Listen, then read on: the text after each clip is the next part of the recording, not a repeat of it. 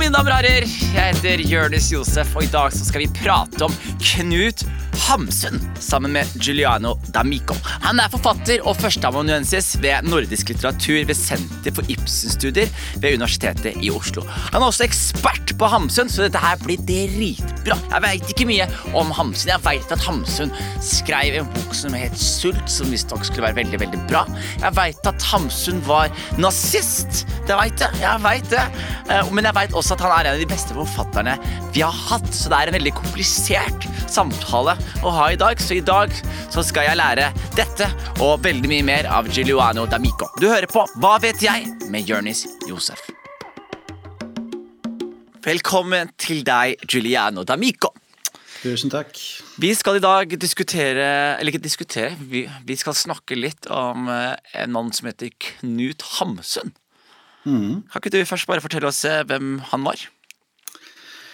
Knut Hamsun var jo da en eh, norsk forfatter eh, som Som kan regnes, eller som eh, regnes da som eh, Norges eh, viktigste romanforfatter. Eh, I en eh, annen episode snakket vi om Henrik Ibsen, som bare skrev drama og litt dikt. Eh, men Hamsun skrev på veldig mye forskjellig, både eh, romaner og essays og eh, dikt og teater.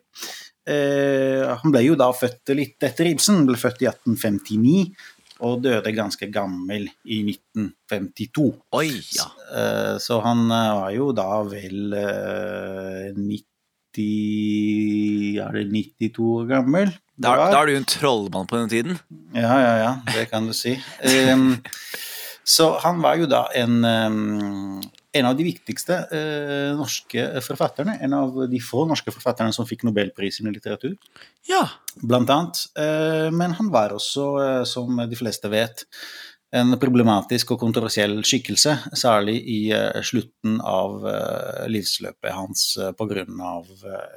Hans tilslutning til nazismen, noe som vi kan, kan gå tilbake til eh, etter hvert. Ja, eh, og det skal vi definitivt. Eh, det som er Hvorfor er Hva er det som gjør Knut Hamsun så, så viktig? Um, det er jo to ting som gjør han viktig. Det er jo for det første at han skrev så innmari bra. Det er, også, det, det er ofte eh, viktig for en forfatter. Eh, at, du blir, at du blir viktig, du blir anerkjent fordi du skriver bra. Eh, heldigvis det er mange som, som skriver bra, som også blir anerkjent. Ehm, så det er jo fordi han skrev veldig bra. Det andre er at han var viktig Um, i, særlig i en norsk sammenheng, men uh, i, også i en europeisk sammenheng, vil jeg sagt, som fornyer.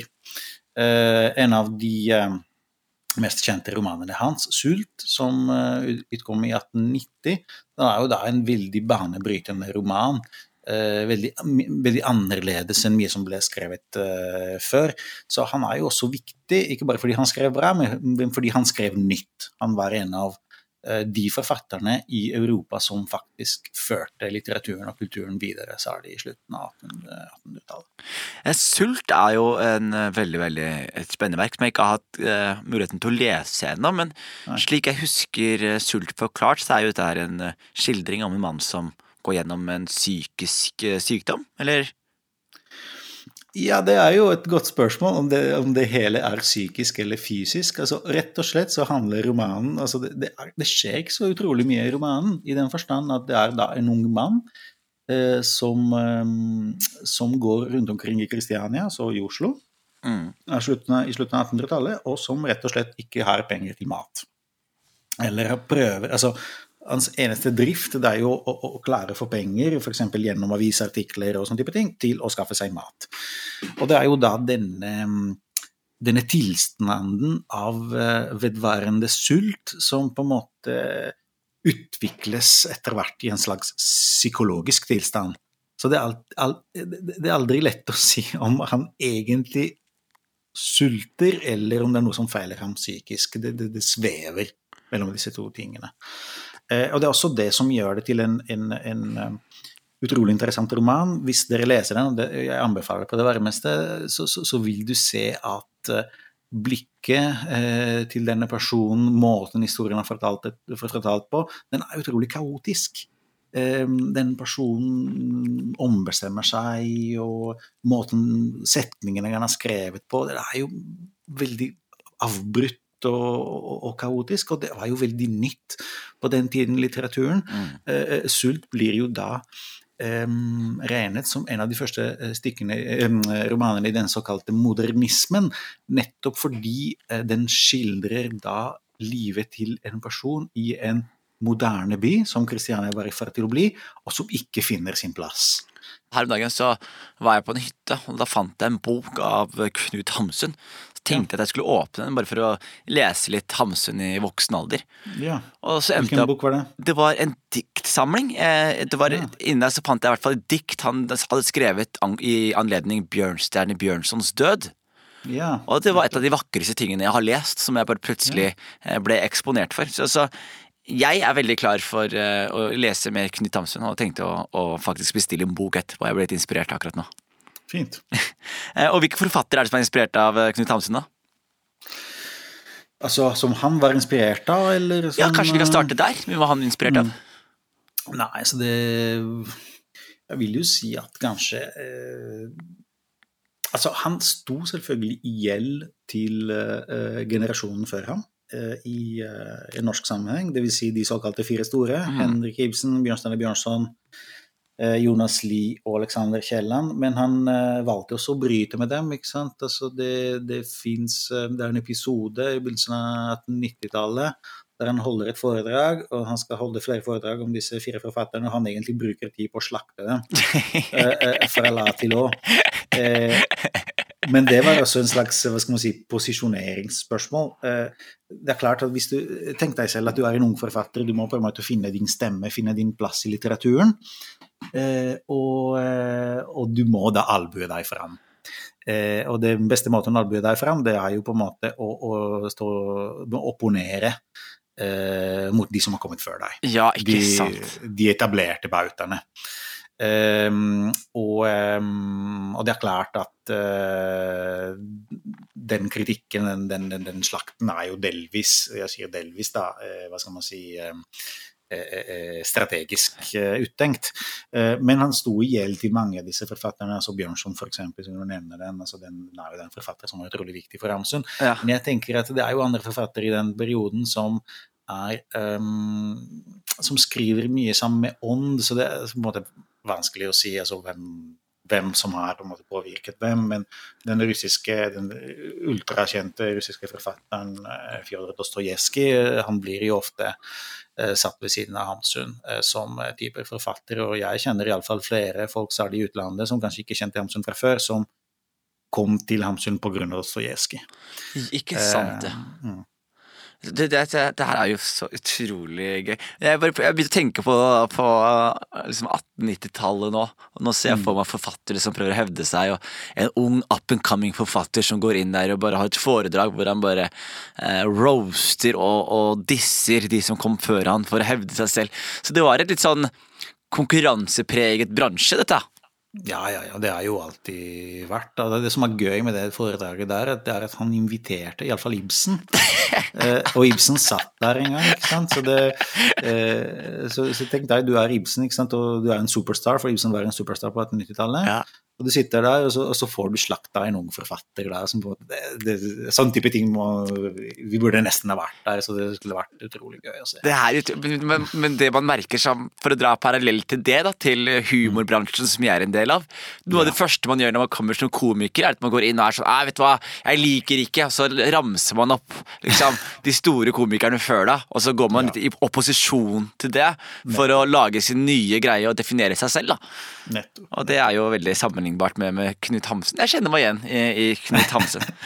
ja, ja, eh, Men så er det mye jeg ikke kjenner meg igjen i Knut Hamsun i, og det er jo hans mm. kontroversielle eh, politiske ståsted. Mm. Og i slutten av eh, Ibsens liv så, så, var jo hans konservative holdning litt på, på det ekstreme. Eh, Hamsun, unnskyld, nå blander jeg her, men ja, Hamsun var jo litt på, på det ekstreme. Eh, kan du fortelle oss litt om hvordan, eh, ja, hvordan, hvordan det, hans politiske ståsted formet han etter hvert?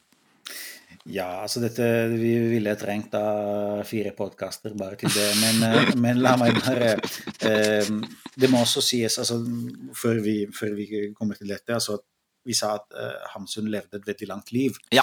Og det er klart at det han skrev og sto for i 1890, er ikke det samme som han skrev og uh, sto for i, i, i 1945 eller eller 1949 eller, eller senere. Um, men vi kan vi, kanskje gå litt uh, Prøve å etablere en tråd, for det, det Hamsun gjorde da etter, Hamsun, etter Sult, det er at utover 1890-tallet og begynnelsen av 1900-tallet har han utviklet sin stil.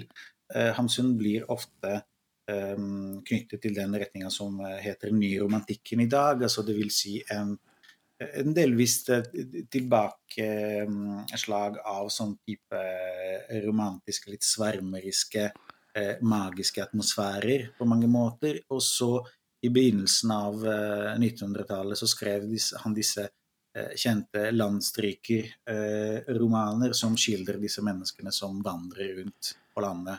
Er ikke, er ikke det litt sånn annerledes da enn sult? På, på ja, ja, det er, jo, det er, jo, ganske det. Både stilsmessig og hva skal man si, naturen som den blir skildret, tankene disse, disse, disse, disse, disse personene har. Og så kanskje det hele kulminerer på en måte med en roman som heter 'Markets grøde', som blir skrevet, skrevet i 1917. Eh, som er jo da en, en, eh, roman om en bonde, eh, Isak Sellandrå, som flytter til et øde sted i Nord-Norge og skal på en måte starte på nytt og eh, skaffe sitt land og etablere sin gård og sånt. Da.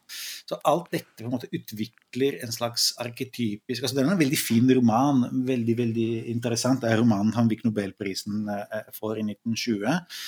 Eh, men det er, du ser at det er en roman som begynner å, å vankle litt i sånne altså Ikke nødvendigvis brune områder, men eh, som dyrker en slags um, stolthet, en slags individualisme, som um, etter noen år dessverre vil utarte i en europeisk sammenheng. Uh, i, uh, i høyreradikalisme og etter hvert i nazistiske og fascistiske implikasjoner. Og hvis spørsmålet ditt, altså hva, hva, slags politisk syn hadde Abensund mot slutten av sitt liv, da snakker vi om 1913-1940-årene, Eh, dessverre så er svaret ganske enkelt. Det vil si at han var nazist som god, så, så, god som noen. Mm. Eh, og eh, Så det, det, har vært Det har vært en lang tradisjon i Norge for, for, det første etter krigen og i, årene etter, i ti årene etter krigen om å eh, forsøke å diskutere om han virkelig var nazist eller ikke, men i dag så viser forskningen at ja, han var det. Det er ikke noe å, å diskutere der. Og så etter mm. hvert med å prøve å skille mellom eh, mellom eh, mann og verk. Ja, kunst og altså, kunstneren. Eh, kunst og kunstneren. Og, og, det er jo for så vidt en, en, en mulig si, utgang av, dette, av dette problemet det jeg tenker det, det, det, det mange i universitetsverden og i forskningen gjør i dag, det er å, prøve, å, få prøve å komme til Hva skal man si Ta inn over seg at denne personen var en utrolig bra forfatter, og samtidig var, var nazist. Mm. Og at noe av det han skrev, særlig eh, i slutten av livet, er preget eh, også, hva skal man si, ikke direkte politisk. altså I, i, 19, altså i 1917 så står det ingenting som er direkte nazistisk, hvis vi vil. altså Nazismen fantes ikke i den formen eh, fortsatt. Men at det fins eh, kulturelle hva skal man si, elementer her og der som peker mot eh, den utviklingen. Eh, og, og, og, jeg syns at for, for, unge mennesker i dag vi kan komme tilbake til det etter hvert når jeg kanskje anbefaler en bok, men ja. for, for, unge mennesker i dag det er jo utrolig viktig å lære å lese slike tekster kritisk. Mm. Altså at du må vite altså Dette er en bra tekst, dette er en bra, en bra roman, men du må også vite at det inneholder slike elementer som peker mot ting som er uhyggelige, ubehagelige og rett og slett forkastelige. Ikke sant? Eh, det er en øvelse. Det er, det er jo alltid viktig å lære seg å lese kritisk. Og da lurer jeg på, eh, mm. da kan du endelig komme med, med hvilke, hvilke, anbefalinger har du til de som ønsker ja. å, å, lese seg opp på Hammesund for første gang? Ja. Nei, så som sagt, så Vi har snakket en del om sult, så jeg ville sagt begynn med det. Eh, det er jo eh, helt eh, opplagt.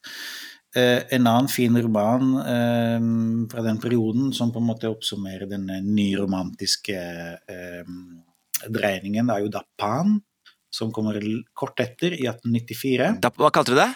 Pan. P-a-n. Pan? Pan, ja. Okay. ja. Som guden Pan, ikke sant? Som og, og, som Petter Pan. Og Som Petter Pan. det, er, det, er, det, er, min gud, da, men ok. ja, nettopp. Så det er jo en annen um, anbefaling.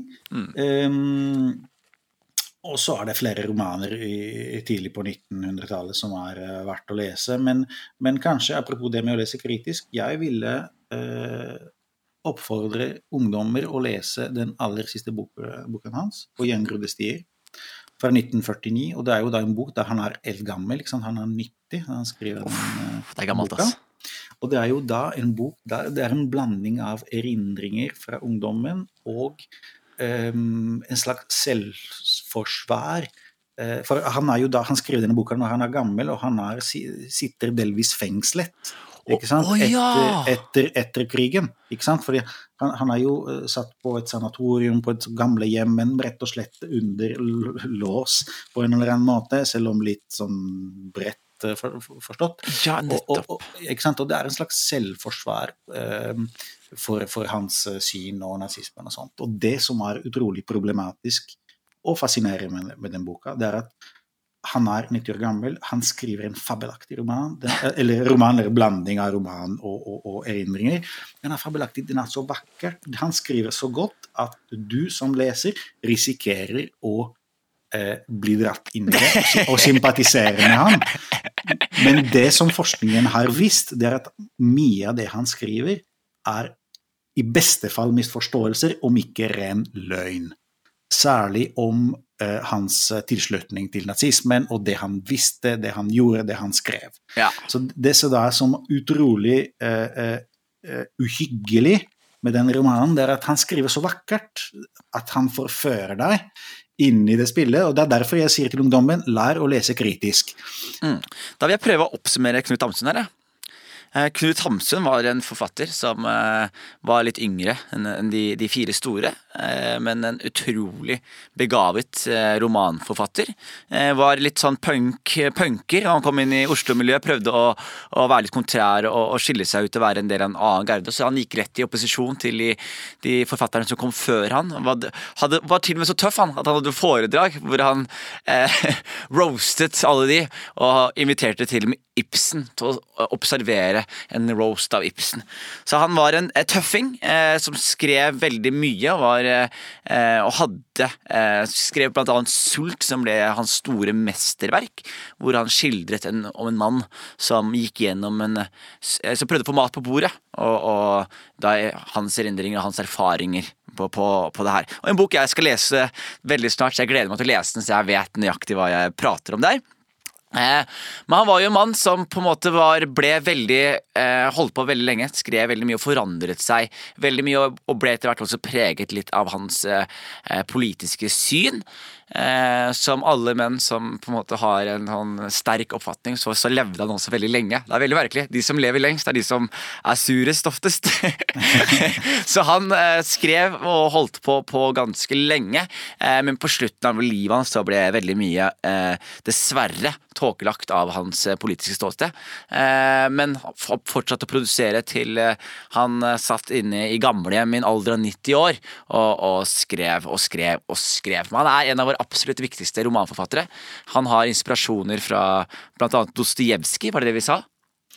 Ja, altså det, det, var en forfatter som eh, liksom skrev litt i, i, samme ånd. Inspirasjon ville jeg kanskje ikke sagt. Men, mm. Skrev i samme ånd. Og du sa, du sa i hvert fall at de mennesker du vet om som ikke visste hvor Knut Hamsun var, oppdaget han gjennom Dostojevskij. Ja, det er mange som gjorde. Ikke sant? Så det, det vitner jo litt om hvor stor denne mannen her er. Og er det én ting Knut Hamsun også på en måte lærer oss, så er det jo eh, altså Sett bort fra at han skriver veldig veldig bra, så er det jo denne evige debatten om skal vi klare å skille kunsten og, og kunstnere treneren. Eh, jeg mener ja, du mener ja, eh, og du mener også at vi skal tillegge oss litt mer kritisk tenkning når vi leser, slik at vi ikke tar dette for god fisk, men at vi heller nyter verket. Tusen takk til deg, Giuliano D'Amico. Bare hyggelig.